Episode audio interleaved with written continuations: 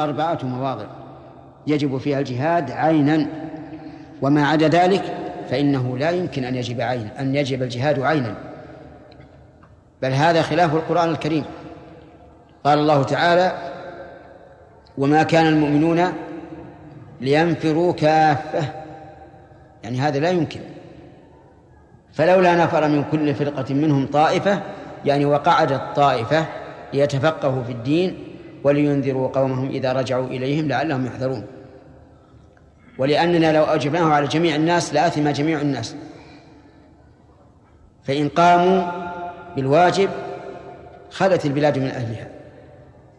وعليه فلا يمكن أن يكون الجهاد فرض عين إلا في حالات معينة وهي التي سمعتموها الله عليك شيخ كان هناك آه، من يجيد أداة معينة أو سلاحا معينا هل نقول له يجب عليك أن تعلم آه، طائفة من المجاهدين كيف يتدربون أي نعم إذا طلب منه ذلك يجب أن يعلم. أو رأى أن الحاجة داعية إلى هذا وجب أن يعلمه. نعم.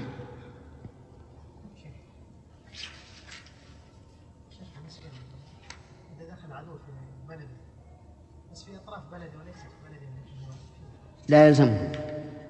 ليس فرض عين.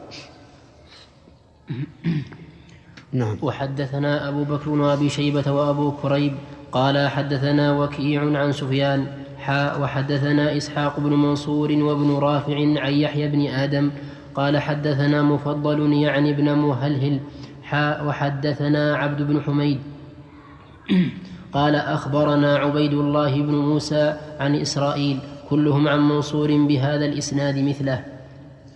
وحدثنا محمد بن عبد الله بن نمير قال حدثنا أبي قال حدثنا عبد الله بن حبيب بن أبي ثابت عن عبد الله بن عبد الرحمن بن أبي حسين عن عطاء عن عائشة أنها قالت سئل رسول الله صلى الله عليه وسلم عن الهجرة فقال لا هجرة بعد الفتح ولكن جهاد ونية وإذا استنفرتم فانفروا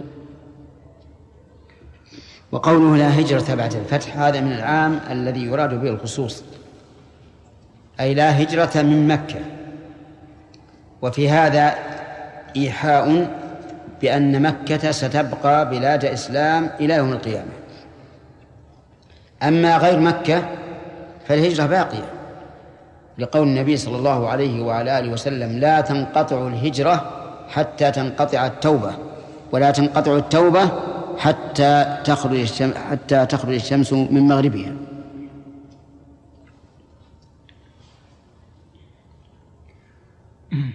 وحدثنا أبو بكر وحدثنا أبو بكر بن خلاد الباهلي قال حدثنا الوليد بن مسلم قال حدثنا عبد الرحمن بن عمرو الأوزاعي قال حدثني قال حدثني ابن شهاب الزهري قال حدثني عطاء بن يزيد قال حدثني عطاء بن يزيد الليثي أنه حدثهم.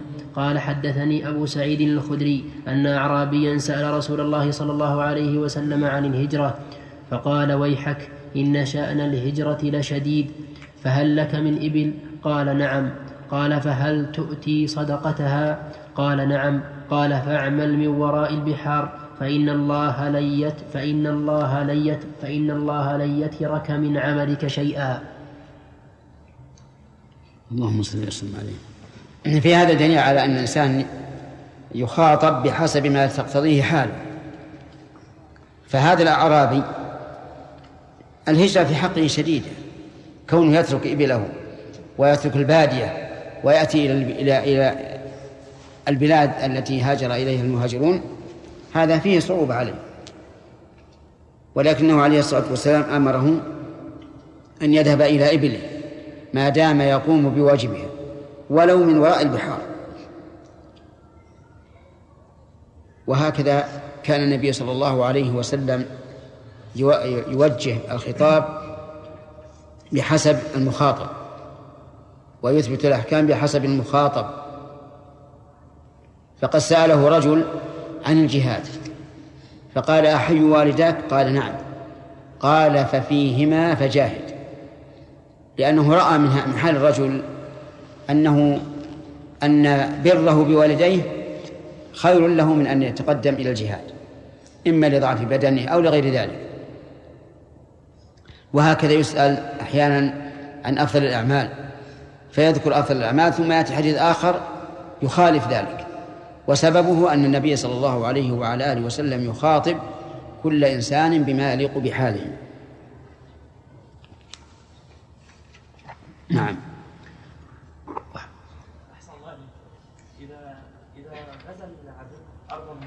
إذا. نعم. نعم. وكفائيا على باقي الأمة لا مو على كل الأمة لا. لا يمكن أن أن أن يفرض الجهاد ولا على الكفاية على الأمة كلها أبدا. والله يقول وما كان المؤمنون لينفروا كافة. لا بد أن يبقى أناس في في البلاد والأوطان يقيمون أعمال الإسلام الأخرى. اقرأ. وحدثناه عبد الله بن عبد الرحمن الدارمي قال حدثنا محمد بن يوسف عن قال حدثنا محمد بن يوسف عن الأوزاعي بهذا الإسناد مثله غير أنه قال إن الله لن يترك من عملك شيئا وزاد في الحديث قال فهل تح قال فهل تحلبها يوم وردها؟ قال نعم. باب يعني يحلوها يوم وردها ويعطي الناس الذين حول الماء. أما مجرد الحلب فليس فيه مزية سواء في يوم ولدها أو أو غيره لكن إذا كان يوم الورد فالناس يكونون حول الماء فيعطيهم من الحليب. باب كيفية بيعة النساء. حدثني أبو الطاهر أحمد بن عمرو بن سرح قال أخبرنا ابن وهب قال أخبرني يونس بن يزيد قال قال ابن شهاب أخبرني عروة بن الزبير أن عائشة زوج النبي صلى الله عليه وسلم قالت كانت المؤمنات إذا هاجرن إلى رسول الله صلى الله عليه وسلم يمتحن بقول الله عز وجل يا أيها النبي إذا جاءك المؤمنات يبايعنك على الا يشركن بالله شيئا ولا يسرقن ولا يزنين. إلى آخر الآية قالت عائشة فمن أقر بهذا من المؤمنات فقد أقر بالمحنة. وكان رسول الله صلى الله عليه وسلم إذا أقررن بذلك من قولهن قال لهن رسول الله صلى الله عليه وسلم انطلقن فقد بايعتكن. ولا والله ما مست يد رسول الله صلى الله عليه وسلم يد امرأة قط غير أنه يبايعهن بالكلام. قالت عائشة والله ما أخذ رسول الله صلى الله عليه وسلم على النساء قط إلا بما أمره الله تعالى وما مست كف رسول الله صلى الله عليه وسلم كف امرأة قط. وكان يقول لهن إذا أخذ عليهن قد بايعتكن كلاما. بينما هو يبايع الرجال باليد لأن أصل المبايعة مأخوذة من الباع لأن كل من المتبايعين يمد باعه إلى الآخر ليصافحه ويبايعه. لكن النساء لم يمس النبي صلى الله عليه وسلم يد واحدة منهن بل بايعهن بالكلام. وإذا كان النبي صلى الله عليه وعلى آله وسلم وهو أطهر الناس يحترز من أن يمس كف امرأة فما بالك بمن سواه؟ ولا فرق بين المرأة العجوز والشابة في مسألة المصافحة. ولا فرق بين أن يكون بحائل أو بغير حائل. لأنه إن كان بغير حائل فالأمر واضح. يمس تمس البشرة البشرة. وإذا كان بحائل فإن مجرد وقوع كف المرأة بين أصابع الرجل وكفه فتنة بلا شك. ولكن إذا مدت المرأة يدها لابن عمها أو ابن خالها أو ما أشبه ذلك وكان ذلك من عادتهم فماذا يعمل؟ يصافح؟ لا لا يصافح. ويقول لها إن هذا ليس بجائز. ويقنعها بالدليل ويقول إن الشرع حاكم على العادات والعادات المخالفة للشرع عادات باطلة. قال النبي صلى الله عليه وسلم من عمل عملا ليس عليه أمرنا فهو رد. نعم من يسأل؟ ما في أحد يسأل بلاش. نعم. طيب تفضل. إي نعم. يعني من باب المبالغة. يعني ولو من وراء البحر.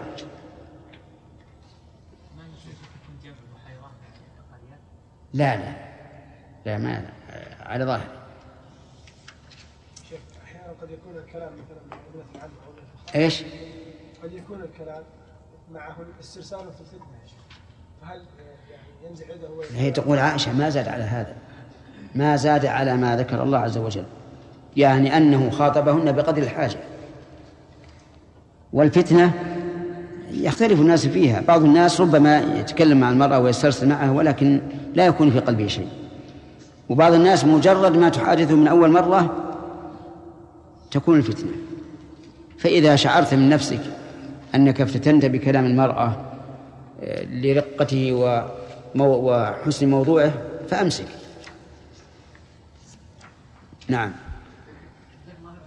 هو بعضهم يقول مثلا في هذا فعل النبي عليه الصلاة والسلام ما يدل على التحريم خاصة من مجرد فعل منه عليه الصلاة والسلام خاصة إذا كانت من القواعد من النساء. كيف قال عنها؟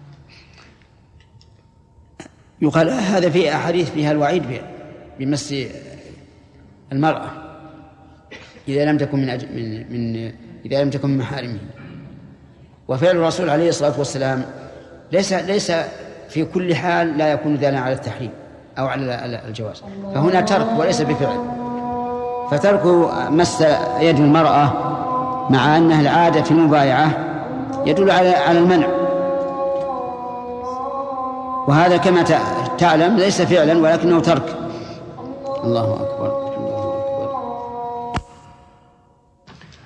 وحدثني هارون بن سعيد الأيلي وأبو الطاهر قال أبو الطاهر أخبرنا وقال هارون حدثنا ابن وهب قال حدثني مالك عن ابن شهاب عن عروة أن عائشة أخبرته عن بيعة النساء قالت ما مس رسول الله صلى الله عليه وسلم بيده امرأة قط إلا أن يأخذ عليها فإذا أخذ عليها فأعطته قال اذهبي فقد بايعتك. قوله إلا أن يأخذ هذا استثناء منقطع يعني لكن يأخذ عليها بالكلام كما سبق. فإذا أعطته قال اذهبي فقد بايعتك.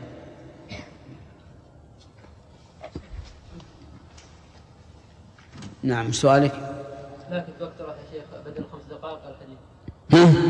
دكتور بدل خمس دقائق يكمل الحديث عند الباب لنقف عند الباب أي ما في مشكلة. نعم. شيخ أحسن الله عليك. طبيب طبيب النساء الذي يكشف على قضية؟ طبيب الأطباء. إيش؟ الأطباء. الأطباء. نعم. ها. إذا إليه امرأة وكان يعلم أن في طبيبات. إيش؟ وكان. يعلم أن في البلدة طبيبات. فهل له أن يمس المرأة ويكشف عليها أم يمنعها من ذلك؟ لا لا يمسها. يكشف عليها بلا مس إلا عند الضرورة. فلا بأس. أنا أنصح بالذهاب للطبيبة نعم. أنا أنصح بالذهاب للطبيبة؟ إذا كان في ما في ضرورة إذا كان في طبيبات. نعم. ما هي صورة مبايعة الرعية للإمام في هذه؟ صورة أن أهل الحل والعقد الذين هم وجهاء البلاد وأعيان البلاد يبايعونه. باليد بايعتك على السمع والطاعة فيما أحب وما أكره وفي عسري ويسري وفي منشطي ومكرهي. نعم هكذا. هكذا يقول. الآن في البلاد الأخرى يكون الذي يبايع هو البرلمان. لأن هذا البرلمان منتخب من من الناس فهم أعيان الناس. فيبايعون.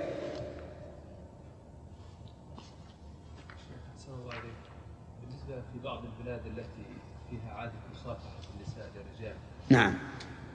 ما مدى صحة قول بعضهم إذا مثلا جاءت المرأة لتصافح الرجل قال مثلا يعطيها ساعدة لئلا يعني مثلا يحرجها في وسط أقرب للصدر شوي. الكلام هذا. الشارع ما يمكن ينهى عن شيء ويبيح مثله أبدا. إلا يقول له ما يجوز. وش يضر؟ ولو قال لها إنه لا يجوز انتشر هذا الحكم بين النساء وعرف أنه لا يجوز. نعم. أنه يعطيها ساعد مش هذا غريب وتعطيها هي الساعد أيضا؟ هذا الساعد. وهي أيضا تجيب ساعدة. نعم. أبدا ما يجوز. شيخ بعضهم يقول حتى ينفتن الإحراج يقول إني على وضوء. وهو صادق؟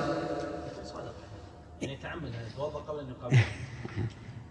إذا معناه يتوضأ للصلاة ولا الطواف؟ ومس المصحف ومس المرأة. لا نصرح يجب أن, أن, أن نزيل هذه العادة. هي إحراج لحيث أنها عادة. لكن إذا عرف الناس أنها لا تجوز وغيروا العادة حصل المطلوب لأنه إذا قالنا على وضوء وجاء الآخر قد لا يقول أنه على وضوء. لكن إذا قال هذا لا يجوز إلا للمحارم أو, الأزواج صار في ذلك فائدة. من له هل له لا إله إلا الله. نعم. أنه طيب لا بأس. ما في مشكلة. هو الآن أخونا يقول اليد الصناعية. لو مثلا إنسان في يد صناعية وجاءت امرأة تسلم وحمل اليد الصناعية باليد الأخرى ليسلم. هذه لا, لا شك أنها ما مست لكن أرى أن لا, أن لا تفعل. إلا أنه ليس كالمماثلة انتهت؟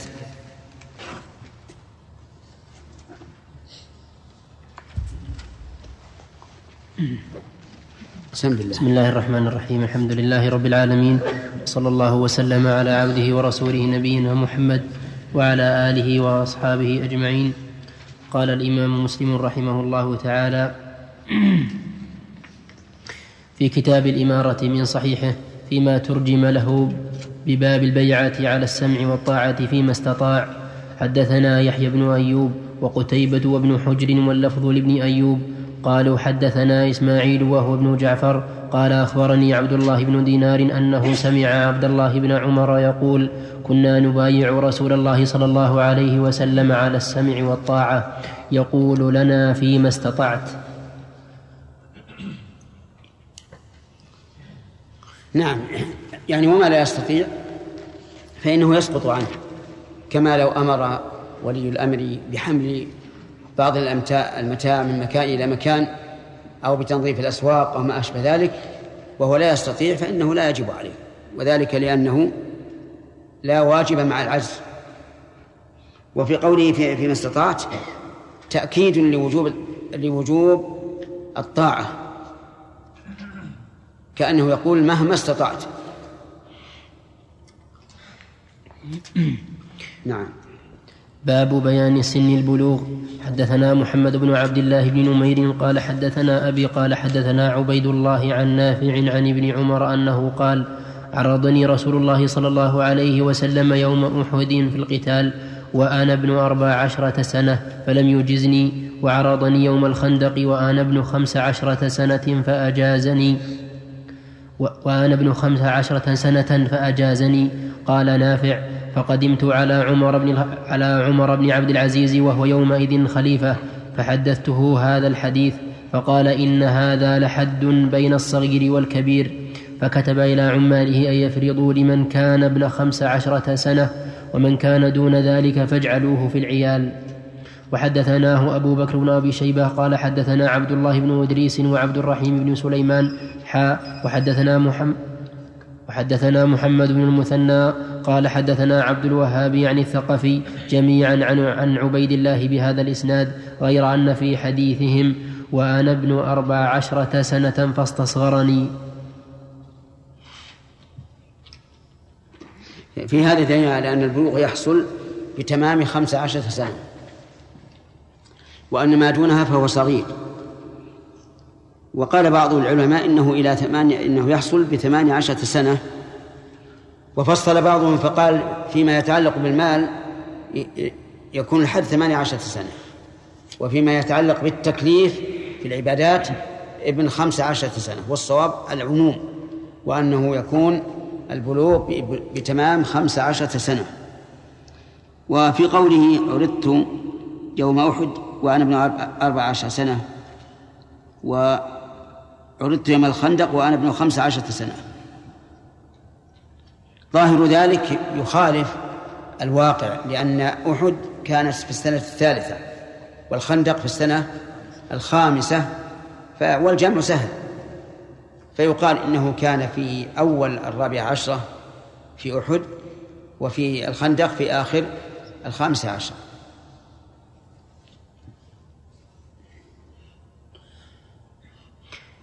باب النهي أن يسافر بالمصحف إلى أرض الكفار إذا خيف وقوعه بأيديهم.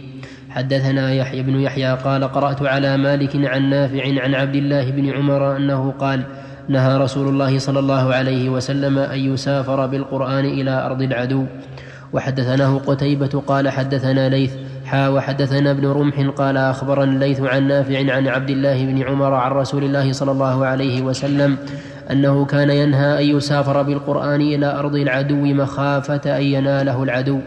وحدثنا أبو الربيع العتكي وأبو كامل قال حدثنا حماد عن أيوب عن نافع عن ابن عمر أنه قال قال رسول الله صلى الله عليه وسلم لا تسافروا بالقرآن فإني لا آمن أن يناله العدو. قال أيوب فقد ناله العدو وخاصموكم به. حدثني زهير بن حرب قال حدثنا إسماعيل يعني ابن علية حا وحدثنا ابن أبي عمر قال حدثنا سفيان والثقفي كلهم عن أيوب حا وحدثنا وحدثنا ابن رافع قال حدثنا ابن أبي فديك قال أخبرنا الضحاك يعني يعني ابن عثمان جميعا عن نافع عن ابن عمر عن النبي صلى الله عليه وسلم في حديث ابن علية والثقفي فإني أخاف. وفي حديث سفيان وحديث الضحاك بن عثمان مخافة أن يناله العدو. نعم. آه، نيل العدو له على وجوه الوجه الأول أن ينالوا المصحف فيهينوه ويذلوه ويضعوه في الأماكن القذرة وما أشبه ذلك أو يجعلوه في الطريق يدوسونه بأرجلهم. يناله العدو بمعنى أن يتتبع ما فيه من الآيات المتشابهات ثم يعرضها على المسلمين ويقول هذا القرآن متناقض. يناقض بعضه بعضا. يناله العدو من وجه ثالث يحتج به على المسلمين فيما في بعض الآيات المتشابهة. مثل قوله تعالى لتجدن أشد الناس عداوة للذين آمنوا اليهود والذين أشركوا ولتجدن أقربهم مودة للذين آمنوا الذين قالوا إنا نصارى. ومثل قوله لا ينهاكم الله عن الذين لم يقاتلوكم في الدين ولم يخرجوكم من دياركم أن تبروهم وتقسطوا إليهم. وما أشبه ذلك. ولهذا قال آه قال أيوب فقد ناله العدو وخاصموكم به. فهذا فهذه ثلاثة وجوه في خوف نيل العدو للقرآن الكريم. هل هذه الوجوه الآن موجودة أو غير موجودة؟ بمعنى أن الإنسان إذا سافر إلى أمريكا أو إنجلترا أو فرنسا أو ما أشبه ذلك هل يناله هؤلاء بواحد من هذه الثلاثة؟ الجواب لا. لا. وهم الآن يسمعون القرآن من إذاعاتنا ويسجلونه وإذا أرادوا أن يقولوا شيئا قالوا بما يسمعون. وعلى هذا فالحكم يدور مع علته. فإذا سافر الإنسان بالمصحف معه إلى بلاد إلى بلاد الكفار فلا حرج عليه لأن العلة التي هي مناط الحكم قد زالت. وقد قال أهل العلم قديما وحديثا الحكم يدور مع علته وجودا وعدما.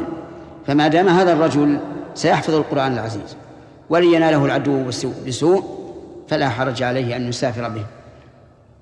سؤال آه، يترتب على هذا. هل يجوز أن نمكن الكافر من آه، قراءة القرآن؟ الجواب نعم. إذا كان ذلك بحضرتنا ولم يمس مصحف. لأن هذا فيه مصلحة ولا فيه مضرة. هل نمكنه من إعطائه المصحف يذهب به ليقرأه فينظر ما فيه من الحكم والأحكام الشرعية أو لا يجوز. الظاهر لي أنه لا يجوز. لأن نمكنه من المصحف. نعطيه ترجمة المعنى لا بأس. أو نقول إذا كنت صادقا فتفضل نحن نجلس لك في ساعة معينة من ليل أو نهار تقرأ بحضورنا.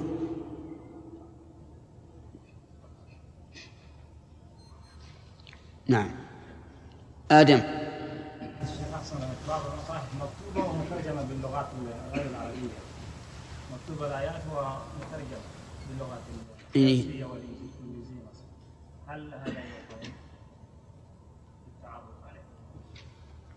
لا أرى هذا وإنما يشار إلى في الترجمة إلى موقع الآيات من السورة. فإذا هداه الله وأسلم يرجع إليها.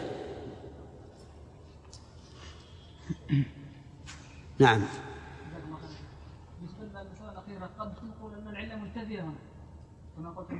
نعم. نعم. المساله الاخيره قد ياخذه هو من السوق ويشتريه بنفسه قد قد يأخذه هو بنفسه كافر من السوق ويشتريه بنفسه ويعمل فيه ما بدال لكن إذا طلب منه. ولذلك لا يجوز أن يباع المصحف على كافر يقول أنا لا اعلم مثلا البائع أنا ما الشيء لم يعلم كغيره من المحرمات يعفى عنه.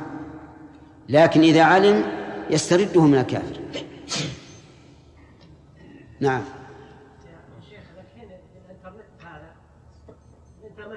نعم. يعني الذين يطلعون عليه يذكرون بعض اليهود من النصارى أيضا يحرفون القرآن ويكتبون آيات وأيضا يستهزئون فيه يكتبون فيه أيضا مباحث استهزاء ويعرضون الايات المتشابهه فما أدري يعني هذا ليس بأيدينا. هذا ليس ليس بأيدينا. إذا كان بأيدينا أن نمنعه أو أن نأخذ ما ما يذكرون من الشبهات ونجيب عنها فهذا واجب. ولكني لا أظن والله أعلم أنهم يستطيعون أن يحرفوا القرآن هكذا أمام الناس. ما أظن هذا. يمكن المعنى قد يحرفونه كما حرفه بعض المسلمين. إيه المعنى ربما يحرفون كما يحرفه بعض المسلمين. ربما يكون يحرفون بعض الآيات لأن بعضهم يعني يتكلم عربية ويتكلم يعني ما أظن هذا. وتد... وفك يعني فكر في نفسك وتد... واسأل. القرآن محفوظ والحمد لله. ولا يستطيع هؤلاء أن يحرفوا ألفاظ القرآن لأن الأمة الإسلامية كلها تشاهد. فهم يخشون من ثورة المسلمين. ثلاثة. نعم. باب المسابقة بين الخيل وتضميرها.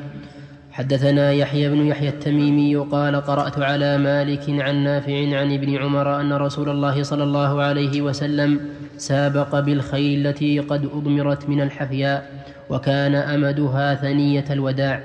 وسابق بين الخيل التي لم تضمر من الثنية إلى مسجد بني زريق وكان ابن عمر في من سابق. وحدثنا يحيى بن يحيى ومحمد بن رمح وقتيبة بن سعيد عن الليث بن سعد. حا وحدثنا خلف بن هشام وأبو الربيع وأبو كامل. قالوا حدثنا حماد وهو ابن زيد عن أيوب. حا وحدثنا زهير بن حرب قال حدثنا إسماعيل عن أيوب. حا وحدثنا ابن نمير قال حدثنا أبي. حا وحدثنا أبو بكر أبي شيبة قال حدثنا أبو أسامة حا وحدثنا محمد بن مثنى وعبيد الله بن سعيد قال حدثنا يحيى وهو القطان جميعا عن عبيد الله. حا وحدثني علي بن حجر وأحمد بن عبدة وابن أبي عمر قالوا حدثنا سفيان عن إسماعيل بن أمية. حا وحدثني محمد بن رافع قال حدثنا عبد الرزاق قال أخبرنا ابن جريج قال أخبرني موسى بن عقبة حا وحدثنا هارون بن سعيد الأيلي قال حدثنا ابن وهب قال قال أخبرني أسامة يعني ابن زيد كل هؤلاء عن نافع عن ابن عمر بمعنى حديث مالك عن نافع وزاد في حديث أيوب من رواية حماد وابن علية قال عبد الله فجئت سابقا فطفف بي الفرس المسجد. هذا بيان المسابقة على الخيل المضمرة وغير المضمرة. المضمرة من تضمير من الضمر يعني ضمر البطن وكانوا يعلفونها أولا حتى تسمن وتقوى ثم بعد ذلك يقللون قوتها ويقتصرون على القوت الذي يمنعها أن تموت فقط. وحينئذ تضعف لكن تضعف عن قوة وقدرة. فالمسابقة على الخيل جائزة. ولكن تجوز بعوض وتجوز بغير عوض. أما كونها تجوز بغير عوض فلا إشكال فيه. وأما كونها تجوز بعوض فإن ذلك من أجل التمرن عليها أي على ركوبها حتى يكون الإنسان قادرا على ركوبها في الجهاد. فالمصلحة التي تحصل بذلك أكثر من المضرة أو أكثر من المفسدة التي تكون بالميسر والقاعدة الشرعية أن ما تساوى أن أن الأشياء ثلاثة أقسام. قسم ترجحت مصلحته على مفسدته فيكون جائزا. وقسم ترجحت مفسدته على مصلحته فيكون ممنوعا. وقسم تساوى فيه الأمران فهنا يقال إنه يغلب جانب الحظر حتى ترجح المصلحة. هنا ترجح المصلحة على مفسدة الميسر. فلهذا أجيزت للتمرن عليها في الجهاد في سبيل الله. والمسافة تكون بحسب الحال في الزمن وفي المكان أما في الزمن فإنها تختلف في الشتاء بين الشتاء والصيف والخريف والربيع. وأما في المكان فإنها تختلف بين الأراضي السهلة والأراضي الصعبة. ويكون تقدير المسافة حسب ما تقتضيه الحال بحيث يتبين بها أي بهذه المسافة مقدار آه، المسابقة.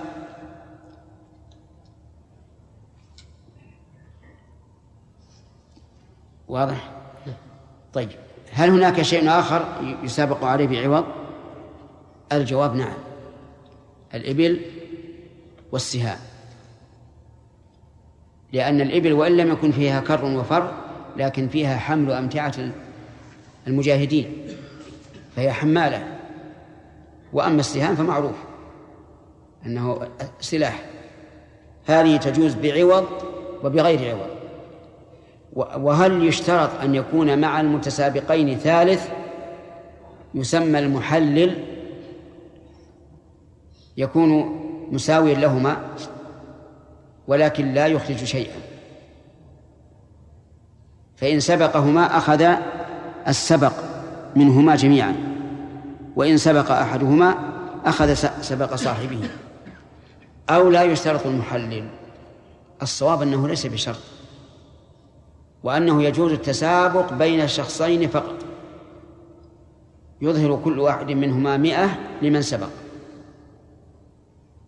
واشتراط المحلل ضعيف. والدين الإسلامي ليس فيه حيل على محارم الله. ثم هذا المحلل ما فائدته في الواقع؟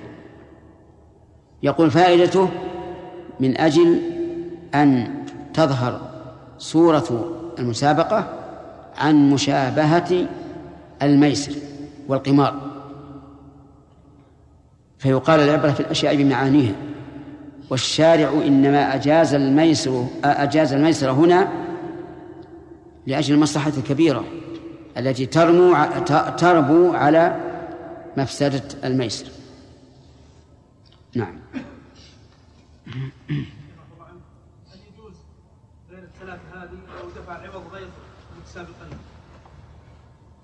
أما دفع العوض من غير المتسابقين فهذه تسمى جائزة أو مكافأة. هذه جائزة على كل حال حتى في غير الإبل والخيل والسهام. وأما في غير هذه الثلاثة فاختار شيخ الإسلام رحمه الله أنه تجوز المراهنة والسبق في مسائل العلم. وقال إن الدين الإسلامي على بالجهاد بالسلاح والجهاد بالعلم وكلاهما جهاد. ولما في ذلك من تنشيط من التنشيط على طلب العلم والبحث فيه فأجاز رحمه الله المراهنة في مسائل العلم الشرعي. وقوله ليس ببعيد من الصواب.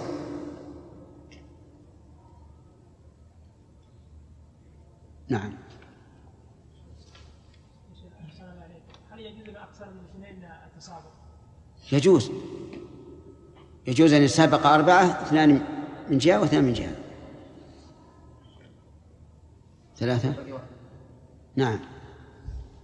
شيخ هل عليها في وقتنا هذا الأسلحة؟ أي ما في شك.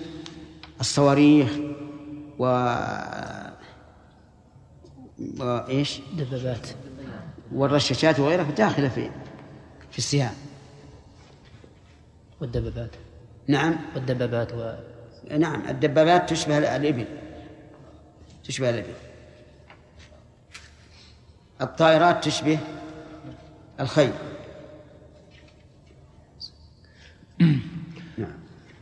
باب باب الخيل في نواصيها الخير إلى يوم القيامة. أعد أعد باب الخيل الخيل في نواصيها الخير إلى يوم القيامة.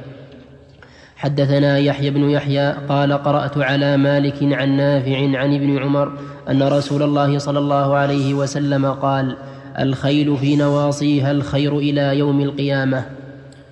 وحدثنا قتيبة نواصيها يعني مقدم رؤوسها. الخير إلى يوم القيامة. يعني متى كانت تستعمل في القتال ففي نواص- نواصيها الخير. إلى يوم القيامة. ومعلوم أن الناس الآن اختلفت الأساليب أساليب الأساليب الحربية. لكن لو عاد الناس إلى القتال على الخير لكان في نواصيها الخير إلى يوم القيامة. مع أنه يوجد الآن مواضع للعدو لا يمكن أن يقاتلوا إلا عن طريق ركوب الخيل نعم وحدثنا إذن الخيل في نواصيها الخير إذا استعملت في القتال. إذا قوتل عليها حتى لا يقال أنها عامة في كل شيء. مع أنها في الحقيقة إذا إذا عد الإنسان الجهاد في سبيل الله فهي له أجر. نعم. وحدثنا قتيبة وابن رمح عن الليث بن سعد. حا وحدثنا أبو بكر بن أبي شيبة. قال حدثنا علي بن مسهر وعبد الله بن نمير. حا وحدثنا ابن نمير قال حدثنا أبي حا وحدثنا عبيد الله بن سعيد قال حدثنا يحيى كلهم عن عبيد الله. حا وحدثنا هارون بن سعيد الأيلي قال حدثنا ابن وهب قال حدثني أسامة كلهم عن نافع عن ابن عمر عن النبي صلى الله عليه وسلم بمثل حديث مالك عن نافع. وحدثنا نصر بن علي الجهضمي وصالح بن حاتم بن وردان جميعا عن يزيد قال قال الجهضمي حدثنا يزيد بن زريع قال حدثنا يونس عن قال حدثنا يونس بن عبيد عن عمرو بن سعيد عن أبي زرعة بن عمرو بن جرير عن جرير بن عبد الله أنه قال رأيت رسول الله صلى الله عليه وسلم يلوي ناصية فرس بإصبعه وهو يقول الخيل معقود بنواصيها الخير إلى يوم القيامة الأجر والغنيمة. اللهم صل وسلم. وحدثني زهير بن حرب قال حدثنا إسماعيل بن إبراهيم حا وحدثنا أبو بكر بن أبي شيبة قال حدثنا وكيع عن سفيان كلاهما عن يونس بهذا الإسناد مثله.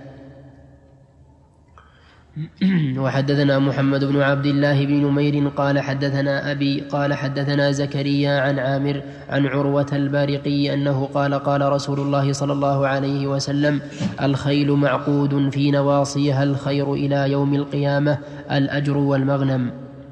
وحدثنا أبو بكر بن أبي شيبة قال حدثنا ابن فضيل وابن إدريس عن حسين عن الشعبي عن عروة البارقي أنه قال قال رسول الله صلى الله عليه وسلم الخير معقوص بنواصي الخيل.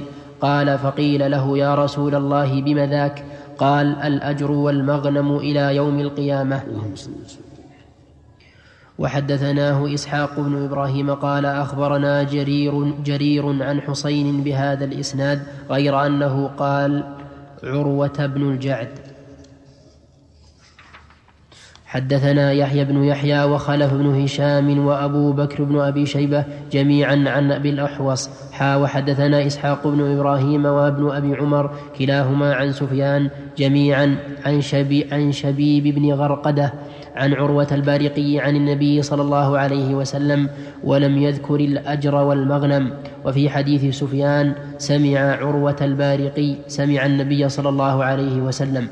وحدثنا عبيد الله بن معاذ قال حدثنا أبي حا وحدثنا ابن المثنى وابن بشار قال حدثنا محمد بن جعفر كلاهما عن شعبة عن أبي إسحاق عن العيزار بن حريث عن عروة بن الجعد عن النبي صلى الله عليه وسلم بهذا ولم يذكر الأجر والمغنم. وحدثنا عبيد الله بن معاذ قال حدثنا أبي حا وحدثنا محمد بن المثنى وابن بشار قال حدثنا يحيى بن سعيد كلاهما عن شعبة عن أبي التياح عن أنس بن مالك أنه قال قال رسول الله صلى الله عليه وسلم البركة في نواصي الخيل. وحدثنا يحيى بن حبيب قال حدثنا خالد يعني ابن الحارث حا وحدثني محمد بن الوليد قال حدثنا محمد بن جعفر قال حدثنا شعبة عن أبي التياح أنه سمع أنسا يحدث عن النبي صلى الله عليه وسلم بمثله.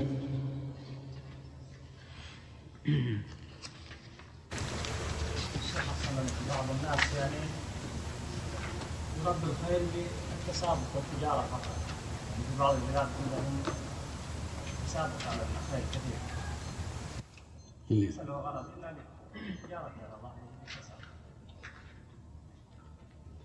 أما من أخذ بالظاهر فيقول إن النبي صلى الله عليه وسلم قال لا سبق أو خف أو حافر ولم يشترط.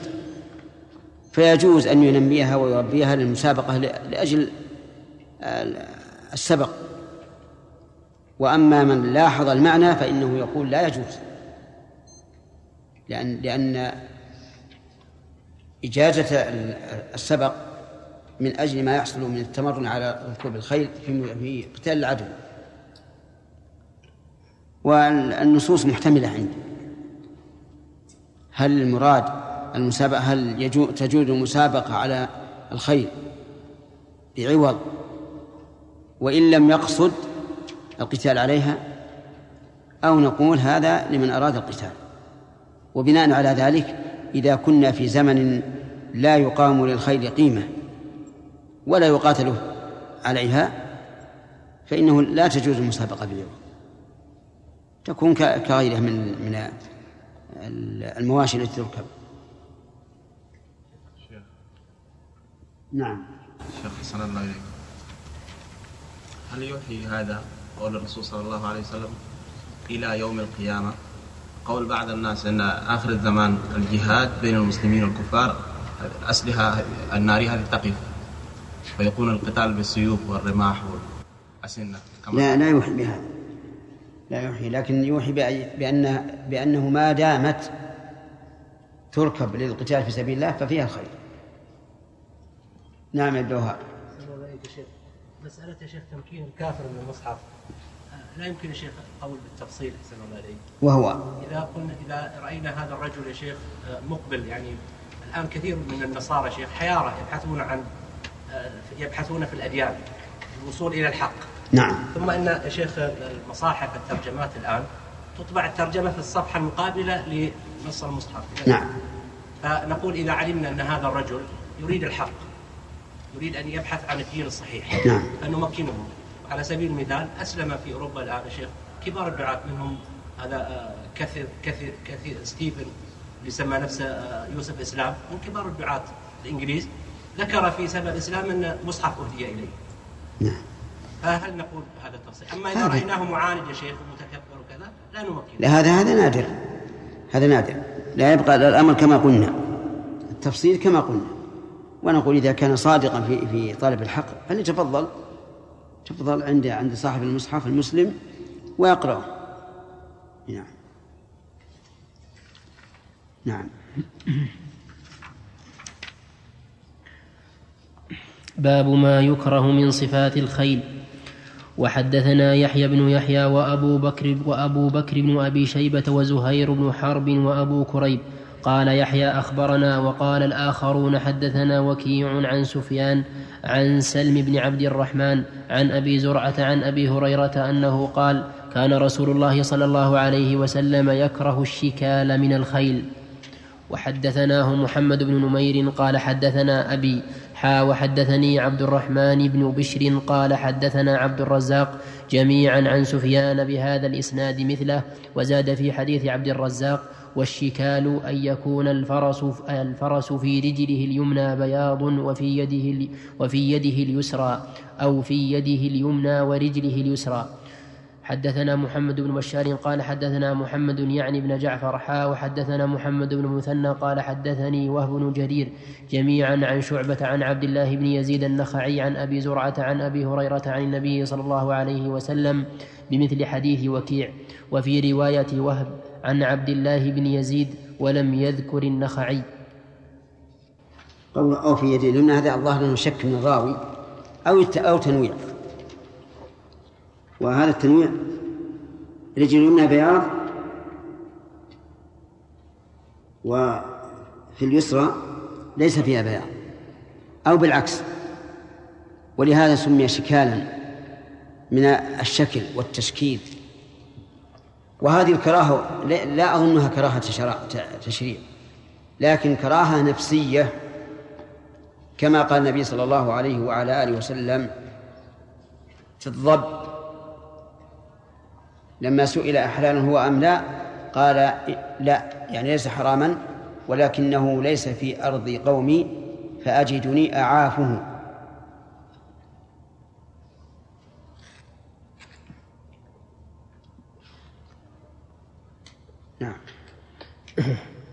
باب فضل باب فضل الجهاد والخروج في سبيل الله.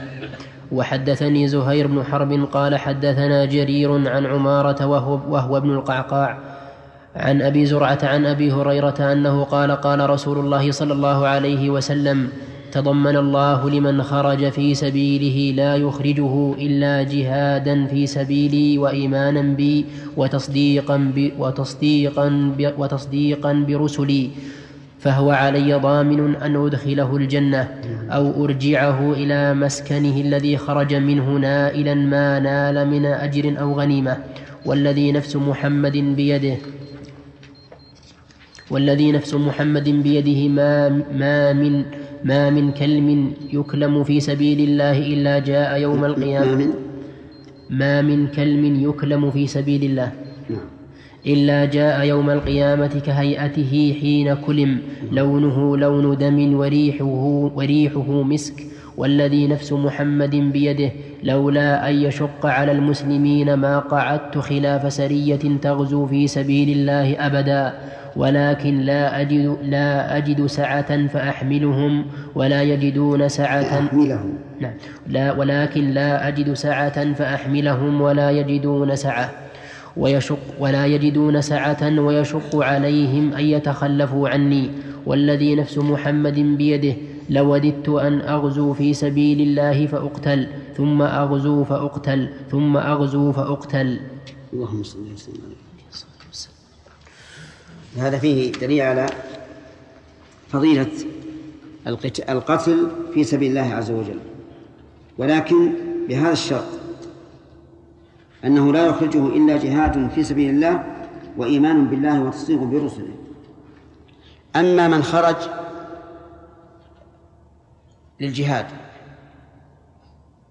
على أنه مال مال من الدنيا أو لأجل أن يكون شهيدا فلا ينال لا ينال هذا الرتبة لأنه لابد أن تكون النية هي الإيمان بالله والجهاد في سبيل الله لا مجرد أن ينال الشهادة لأنه لا ينال الشهادة إلا إذا كان إلا إذا قاتل إيش؟ إيمانا بالله وتصديقا برسله عليهم الصلاة والسلام. فالشهادة مرتبة لا شك عالية. لكن لها شرط سابق وهو أن يكون الذي الذي خرج من أجله لا أن ينال الشهادة التي هي ثواب العمل ولكن من أجل أن أن الإيمان بالله والتصديق بالرسل. وكما قال في الحديث الآخر من قاتل لتكون كلمة الله هي العليا. فالناس ثلاثة أقسام أو أربعة. أحدهم خرج للجهاد من أجل أن يستريح من الدنيا لأنها قد ضاقت عليه ويريد أن يتخلص. هذا ليس له أجر لا قليل ولا كثير. بل ربما نقول إنه إلى الإثم أقرب منه إلى السلامة لأنه لأنه ذهب لأجل إيش؟ لأجل أن يقتل. فبدلا من أن يقتل نفسه ذهب ليقتل ويستريح من الدنيا. الثاني من من خرج يقاتل من أجل الغنيمة فقط. فهذا لا أجر له ولا ثواب له. لا أشكال في هذا.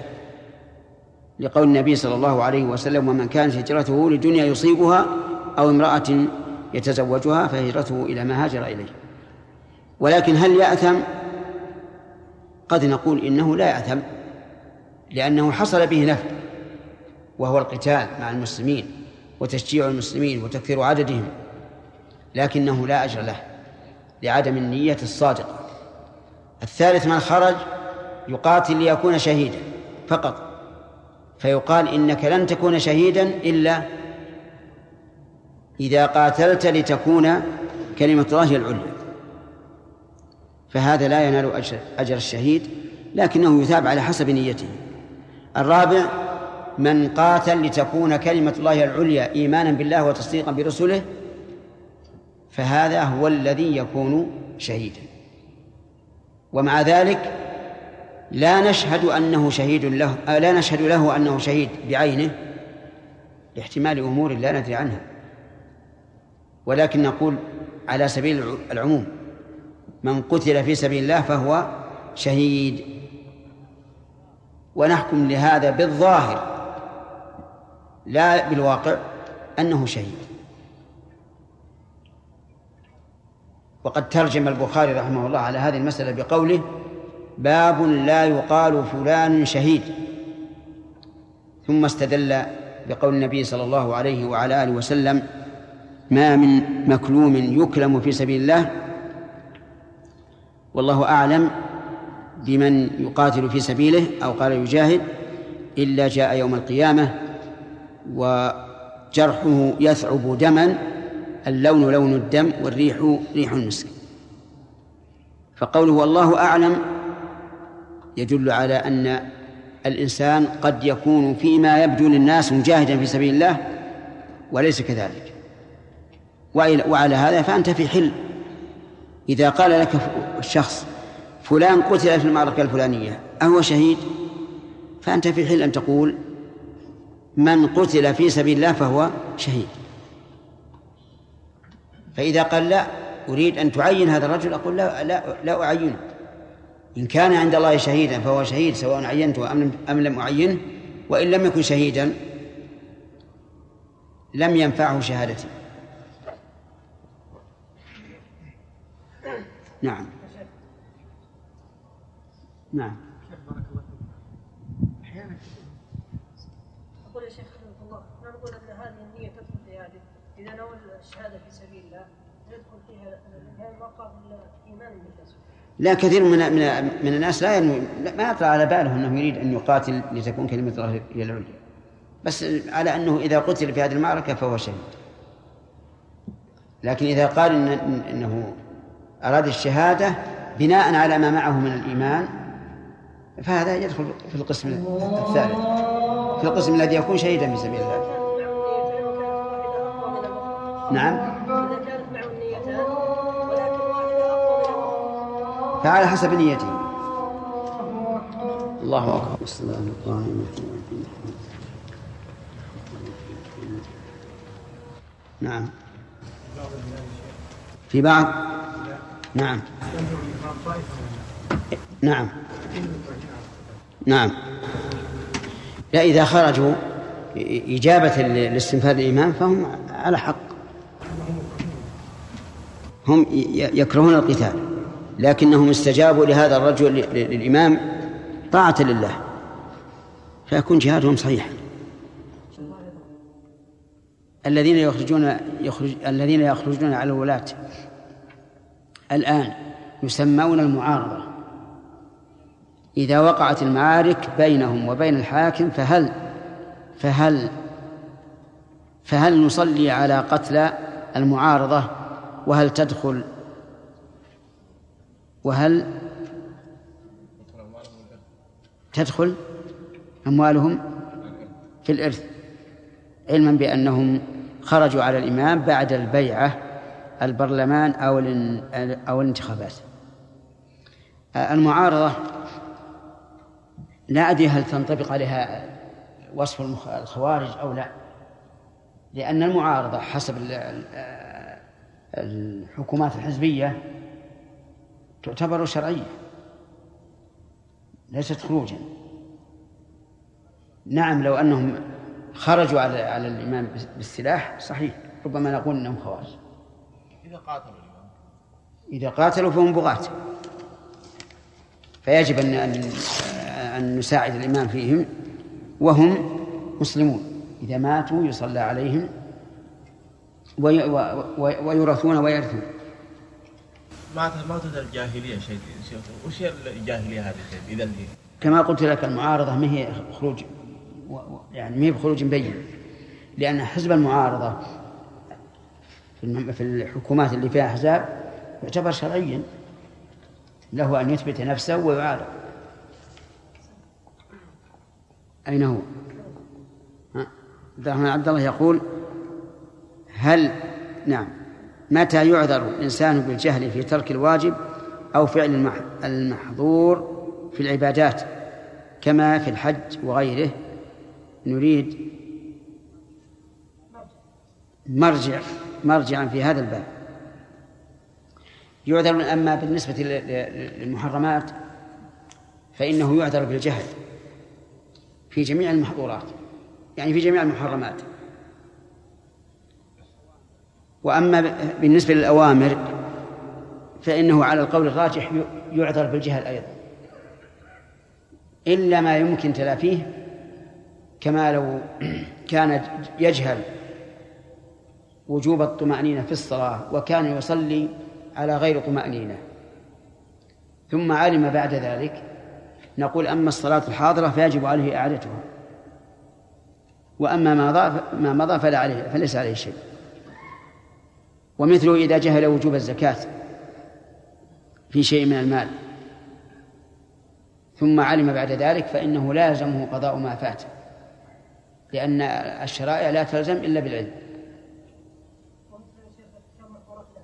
إيش؟ وكذلك محظورة الحج. وكذلك محظورة الحج. لكنه يجب عليه متى علم أن أن يتخلى عنه. ليس عليه شيء. أبد ما ليس عليه شيء. المرجع كلام أهل العلم. فيه بعض بعض الطلاب الآن. لهم رسائل ماجستير أو غيره في في هذا الباب.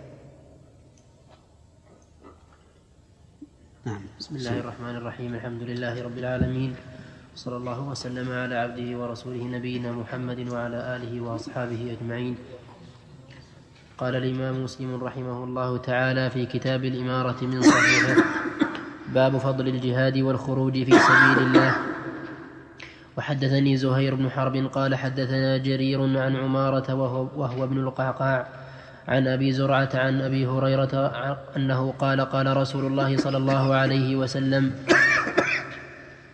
تضمن الله لمن خرج في سبيله لا يخرجه إلا جهادا في سبيلي وإيمانا بي وتصديقا برسلي فهو علي ضامن أن أدخله الجنة أو أرجعه أو أرجعه إلى مسكنه الذي خرج منه نائلا ما نال من أجر أو غنيمة والذي نفس محمد بيده.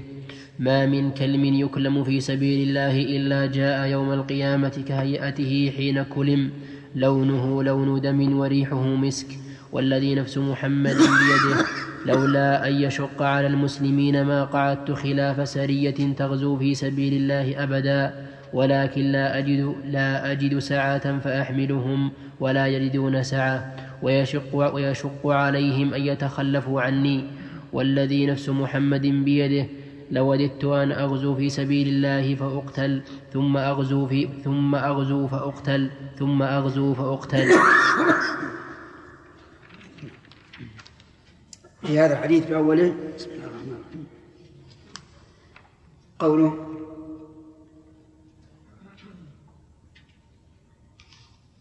أو أو ارجعه إلى مسكنه الذي خرج منه نائلا ما نال من أجر أو غنيمة.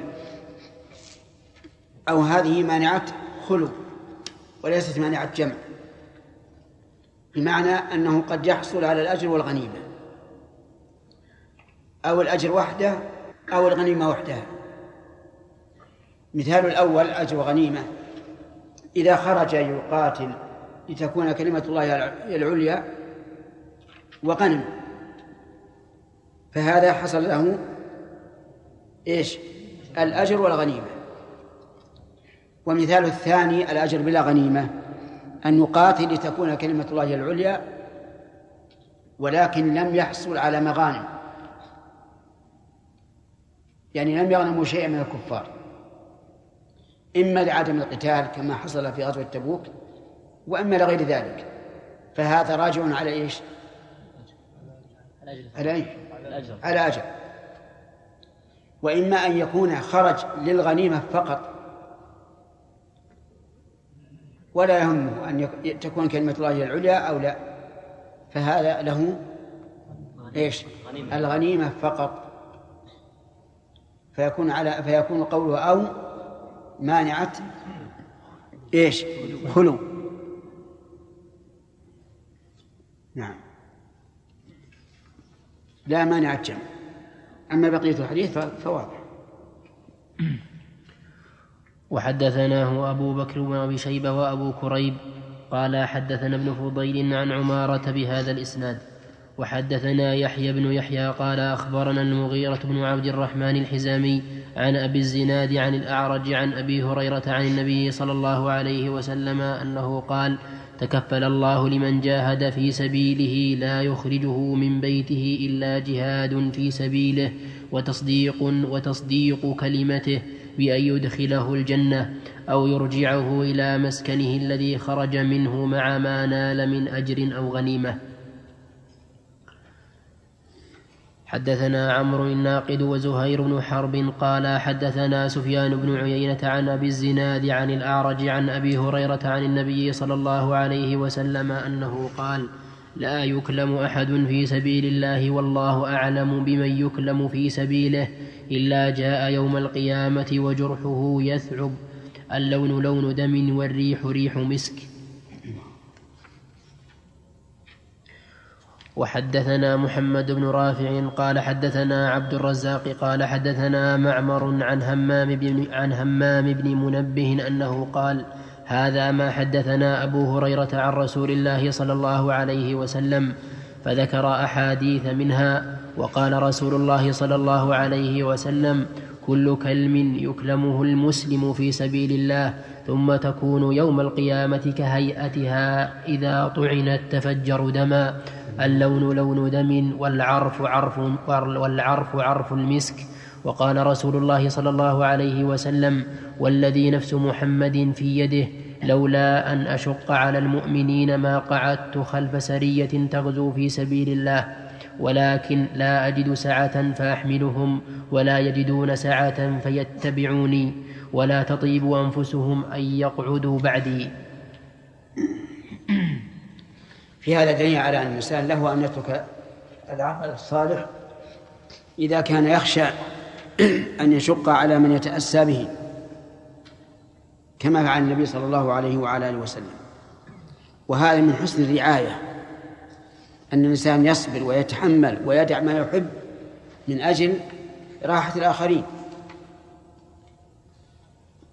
وإلا لقال قائل أذهب وأجاهد وهؤلاء معذورون فليس عليهم جهاد ولا ينبغي أن يشق عليهم ذلك. ولكن من حسن رعاية النبي صلى الله عليه وسلم أنه يلاحظ قومه. نعم. نعم. أحسن الله عليك ما هو ضابط الراية الصحيحة التي يقاتل المسلم؟ نعم. ضابط الراية الصحيحة التي يقاتل المسلم تحتها هي الراية التي يقاتل تحتها لتكون كلمة الله هي العليا. نعم يا سليم. بعض الأحيان يا شيخ يصير الإنسان يشعر الإنسان يدور على المسلمين من الكفار يا شيخ. يعني يصير مع الشدة على على مثل هذا. ما هذا قومه ولا بني لو بنيته يا شيخ. نعم. أي نعم هذا صحيح. كل مسلم يؤلمه أن يعتدي أحد على المسلم.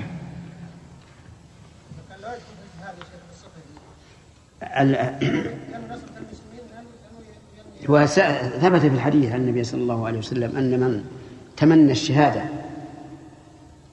فإنه ينزل منازل الشهداء ولو ك- ولا مات على فراشه. أحسن الله. أقول آه، يعني هل يستدل بهذا الحديث على أن ما واظب عليه الرسول؟ نعم. أقول يست... هل يمكن أن يستدل بهذا الحديث على أن ما واظب عليه الرسول ولم يتركه أبدا؟ يكون إبراهيم.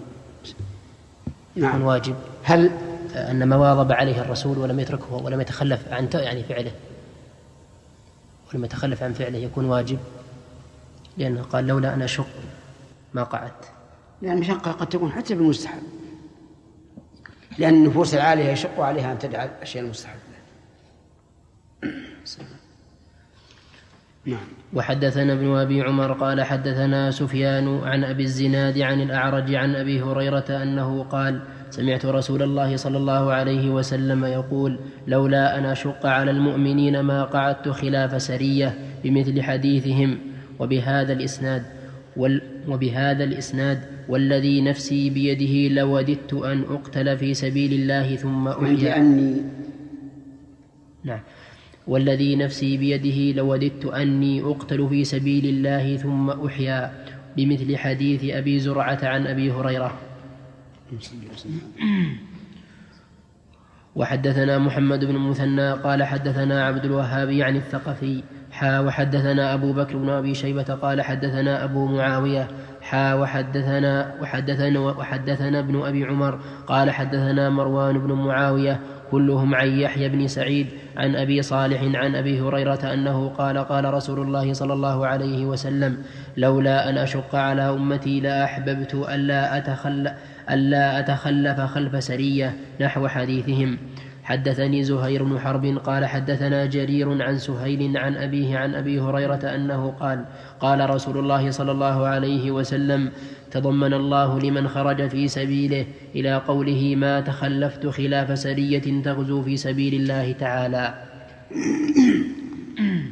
هذه كلها سياقات بألفاظ مختلفة وهي تدل على ما ذهب إليه جمهور أهل العلم من جواز نقل الحديث بالمعنى. لأن الظاهر أن النبي صلى الله عليه وعلى آله وسلم لم يتكلم بهذا عدة مرات كل مرة على وجه. ولكن الرواة ينقلون الأحاديث بالمعنى فتختلف الألفاظ والمعنى واحد. وفي الأح- الحديث دليل على جواز الإقسام بغير أن يستقسم. إذا كان الأمر هاما فإنه ينبغي للإنسان أن يؤكده بال- بالقسم. فإن قال قائل إن النبي صلى الله عليه وعلى آله وسلم صادق فيما أخبر به بدون قسم. قلنا هذا حق ولكن جرت العرب في أسلوبها أن تؤكد الشيء المهم حتى وإن كان الناطق به صادقا كما تجدون هذا في كتاب الله عز وجل. أقسم الله تعالى في الكتاب العزيز في مواضع كثيرة مع أن قوله حق وصدق. نعم.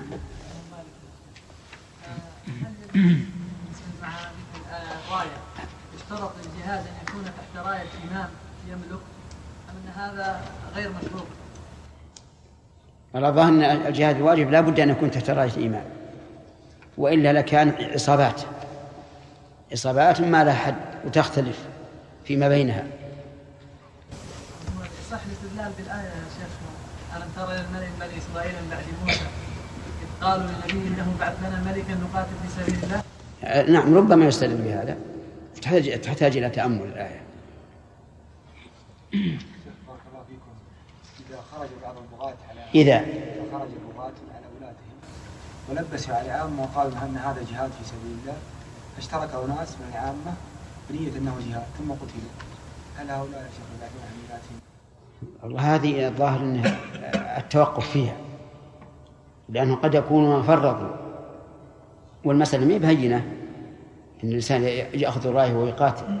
مسألة فيها استحلال النفوس واستحلال الأموال واستحلال الفروج. كونهم يخرجون بهذه السهولة لا يعذرون فيما يفعل وحينئذ لا يكونون شهداء. نعم. شيخ أحسن الله إليك. بقول الرسول صلى الله عليه وسلم الخير في نواصيها الخير إلى يوم القيامة. هل يشير هذا الحديث شيخ أحسن إليكم أن الجهاد باقية لا لا يزول إلى يوم القيامة؟ هل يشير أن القتال الموجود الآن بين المسلمين لا بد فيه جهاد مستمر؟ ولو لا يعلم إنه أي ايهم الحقيقة فيه؟ الجهاد لا شك أنه باقي إلى يوم القيامة لأن الجهاد حكم من أحكام الإسلام ولا يمكن أن يرفع. فإن حديث بريدة الذي مر علينا سابقا يدل على أنه لا بد من الجهاد. أقول الشيخ أحسن الله عليكم هل هذه بين المسلمين الآن وبين غيرهم في قتالات الآن معارك دائرة؟ نعم. بين المسلمين أنفسهم أيضا. هل يشير هذه الجهاد هذه مستمرة قتالا؟ ما ما, ما أظنها يستفاد من الحديث. لا يستفاد من الحديث أنه يبقى الجهاد من لكن يستفاد بقاء الجهاد من أحاديث أخرى أدلة أخرى.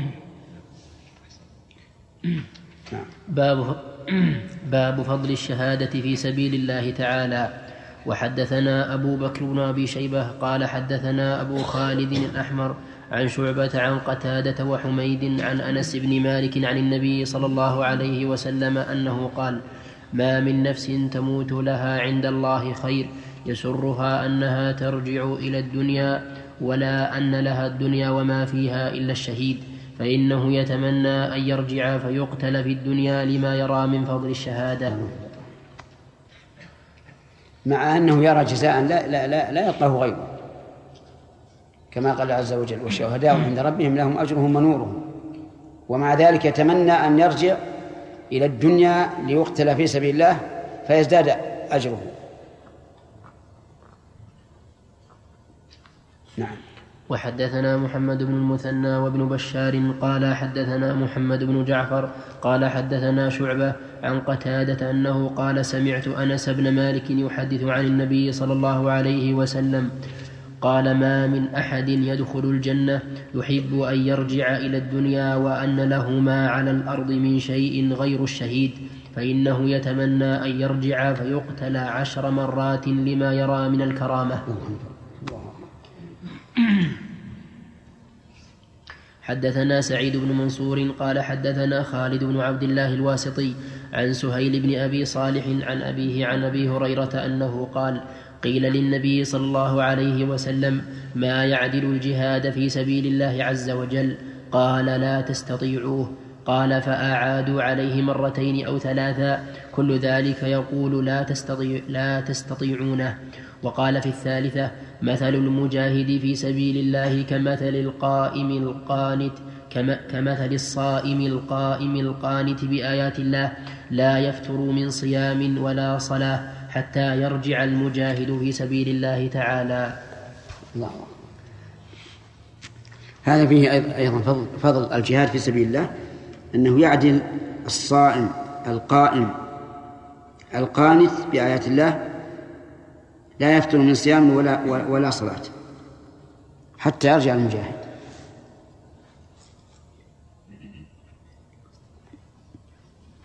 حدثنا قتيبة حدثنا قتيبة بن سعيد قال حدثنا أبو عوانة حا وحدثني زهير بن حرب قال حدثنا جرير حا وحدثنا أبو بكر بن أبي شيبة قال حدثنا أبو معاوية كلهم عن سهيل بهذا الإسناد نحوه. حدثني حسن بن علي الحلواني قال حدثنا أبو توبة قال حدثنا معاوية بن سلام عن زيد بن سلام أنه سمع أبا سلام قال حدثني النعمان بن بشير قال كنت عند منبر رسول الله صلى الله عليه وسلم فقال رجل ما أبالي ألا أعمل عملا بعد الإسلام إلا أن, إلا أن أسقي الحاج. وقال آخر ما أبالي ألا أعمل عملا بعد الإسلام إلا أن أعمر المسجد الحرام. وقال آخر وقال آخر الجهاد في سبيل الله أفضل مما قلتم. فزجرهم عمر وقال لا ترفعوا أصواتكم عند منبر رسول الله صلى الله عليه وسلم وهو يوم الجمعة. ولكن إذا صليت ولكن إذا صليت الجمعة دخلت فاستفتيته فيما اختلفتم فيه فأنزل الله عز وجل أجعلتم سقاية الحاج وعمارة المسجد الحرام كمن آمن بالله واليوم الآخر؟ الآية إلى آخرها. وحدثني عبد الله بن عبد الرحمن الدارمي قال حدثنا يحيى بن حسان قال حدثنا معاوية قال أخبرني زيد أنه سمع أبا سلام قال حدثني النعمان بن بشير قال كنت عند منبر رسول الله صلى الله عليه وسلم بمثل حديث أبي توبة. الشرح على هذا؟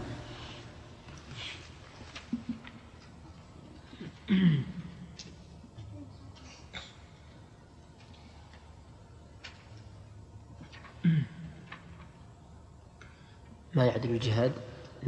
آه نعم. حديث النعمان بن بشير. اي اي آخر شيء. ابا سلام قال حدثني النعمان بشير قوله أن عمر رضي الله عنه زاجر الرجال الذين رفعوا أصواتهم يوم الجمعة عند المنبر. فيه كراهة آه، رفع الصوت في المساجد يوم الجمعة يوم الجمعة وغيره وأنه لا يرفع الصوت بعلم ولا غيره عند اجتماع الناس للصلاة.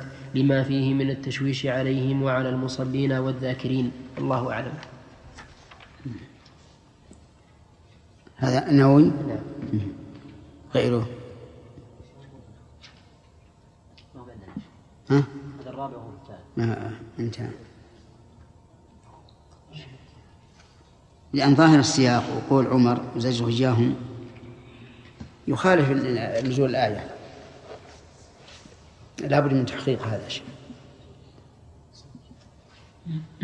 عند فراس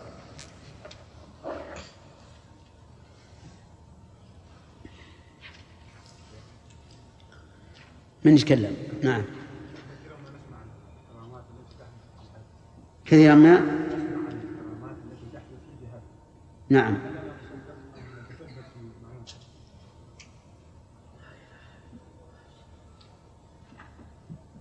وإذا كان الناقص إذا كان الناقل ثقة. فالكرامات تقع. باقية إلى يوم القيامة. لكن هنا أشياء من الكرامات يبدو أنها ليست كرامة. إنما هي شيء من القصص. لكن إذا ثبت فالكرامة لا تزال باقية إلى يوم القيامة.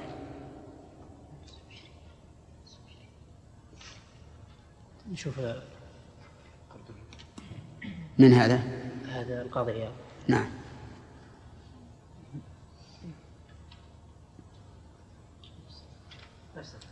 ما ذكر شيء؟ قال بعد أن ذكر لا ترفعوا أصواتكم قال فيكون هذا التحدث ورفع الصوت في مساجد الجماعات وإن كان وإن كان في باب الخير والعلم إذا كان وقت اجتماع الناس وانتظارهم الصلاة لأن منهم حينئذ المتنفل والذاكر فيشغله ذلك. وفي هذا الحديث وغيره مما ذكر مسلم فضل على سائر الأعمال. فضل الجهاد يمكن. هذا الموجود. فضل الجهاد على سائر الأعمال وبذلك نزل كما ذكر في الحديث أجعلتم سقاية الحج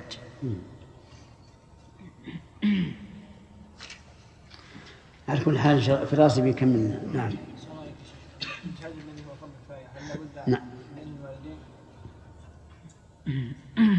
لا إذا كان فرضا لا لا يشترط. فرض الكفاية إذا قام بما يكفي صار في حق الآخر في حق الآخر سنة. فلا بد من رضا الوالدين. نعم. باب فضل الغدوة والروحة في سبيل الله. حدثنا عبد الله بن مسلمة بن قعنب قال حدثنا حماد بن سلمة عن ثابت عن أنس بن مالك أنه قال قال رسول الله صلى الله عليه وسلم لغدوة في سبيل الله أو روحة خير من الدنيا وما فيها.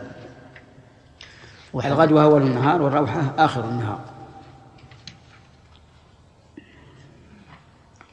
وحدثنا حدثنا يحيى بن يحيى قال أخبرنا عبد العزيز بن ابن أبي حازم عن أبيه عن سهل بن سعد الساعدي عن رسول الله صلى الله عليه وسلم أنه قال والغدوة يغدوها العبد في سبيل الله خير من الدنيا وما فيها.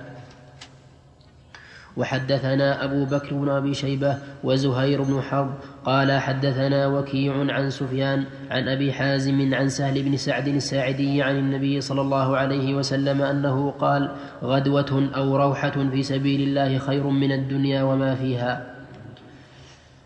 حدثنا ابن أبي عمر قال حدثنا مروان قال حدثنا مروان بن معاوية عن يحيى بن سعيد عن ذكوان بن أبي صالح عن أبي هريرة أنه قال قال رسول الله صلى الله عليه وسلم لولا أن رجالا من أمتي وساق الحديث وقال فيه ولروحه في سبيل الله أو غدوة خير من الدنيا وما فيها.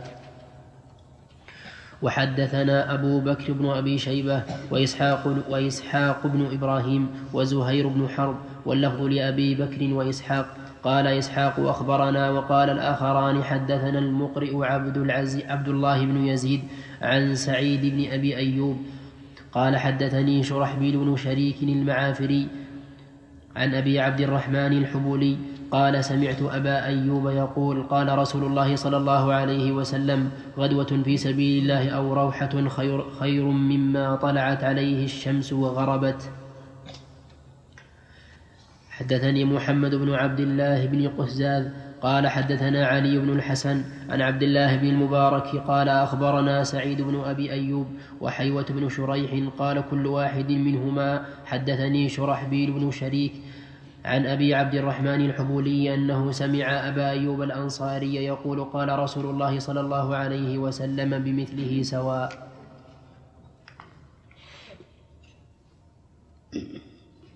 يتكلم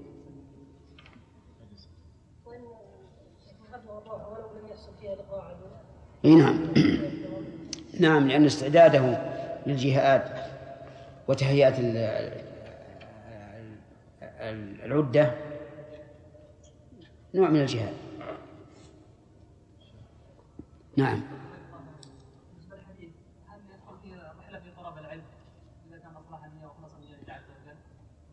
لا لا يدخل. خاص بالجهاد فقط. نعم.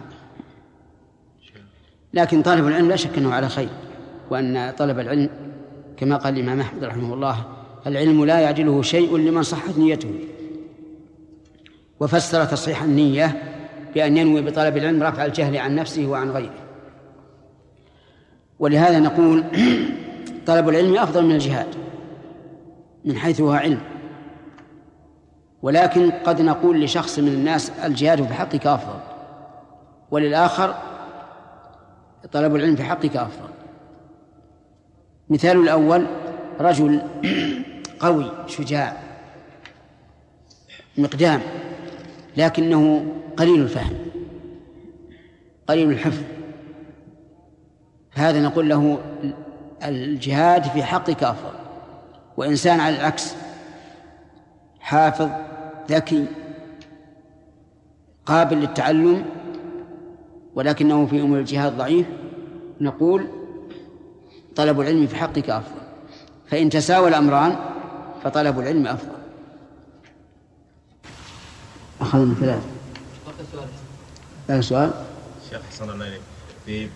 إذا القتال دار بين فريقين وبعضه شره أكثر من بعض.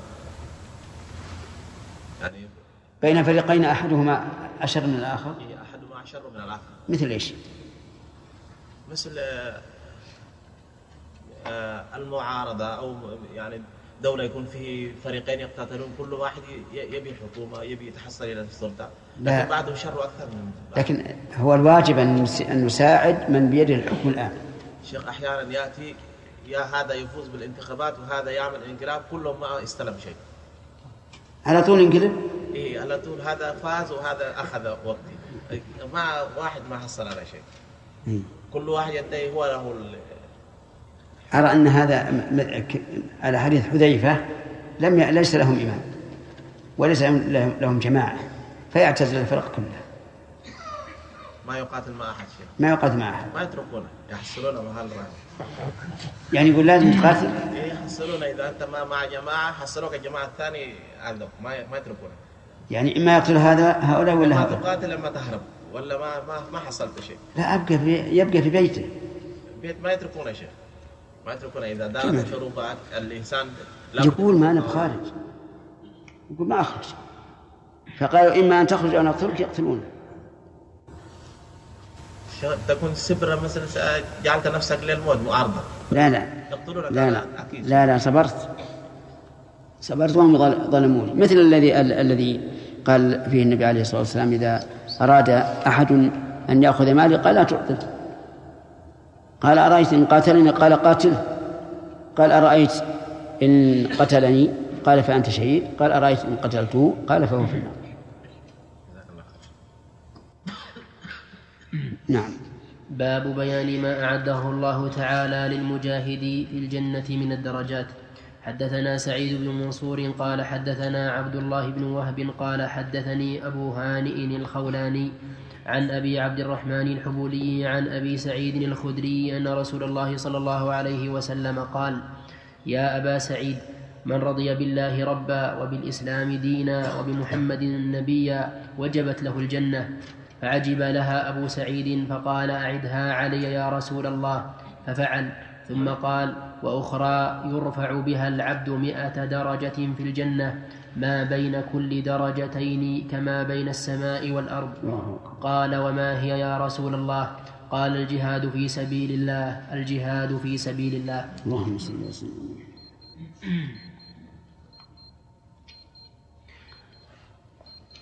باب من قتل في سبيل الله كفرت خطاياه إلا الدين.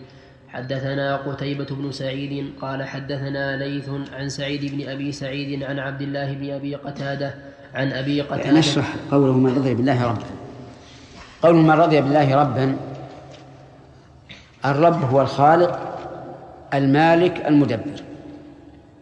فإذا رضي بالله عز وجل على أنه هو الخالق وأنه المالك وأنه المدبر فيكون قد رضي بأحكام الله الكونية والقدرية. فهو مستسلم لأمور الله القدرية مستسلم لأمور الله الشرعية. إذا أصابه مصيبة قال إن الله وإنا إليه راجعون.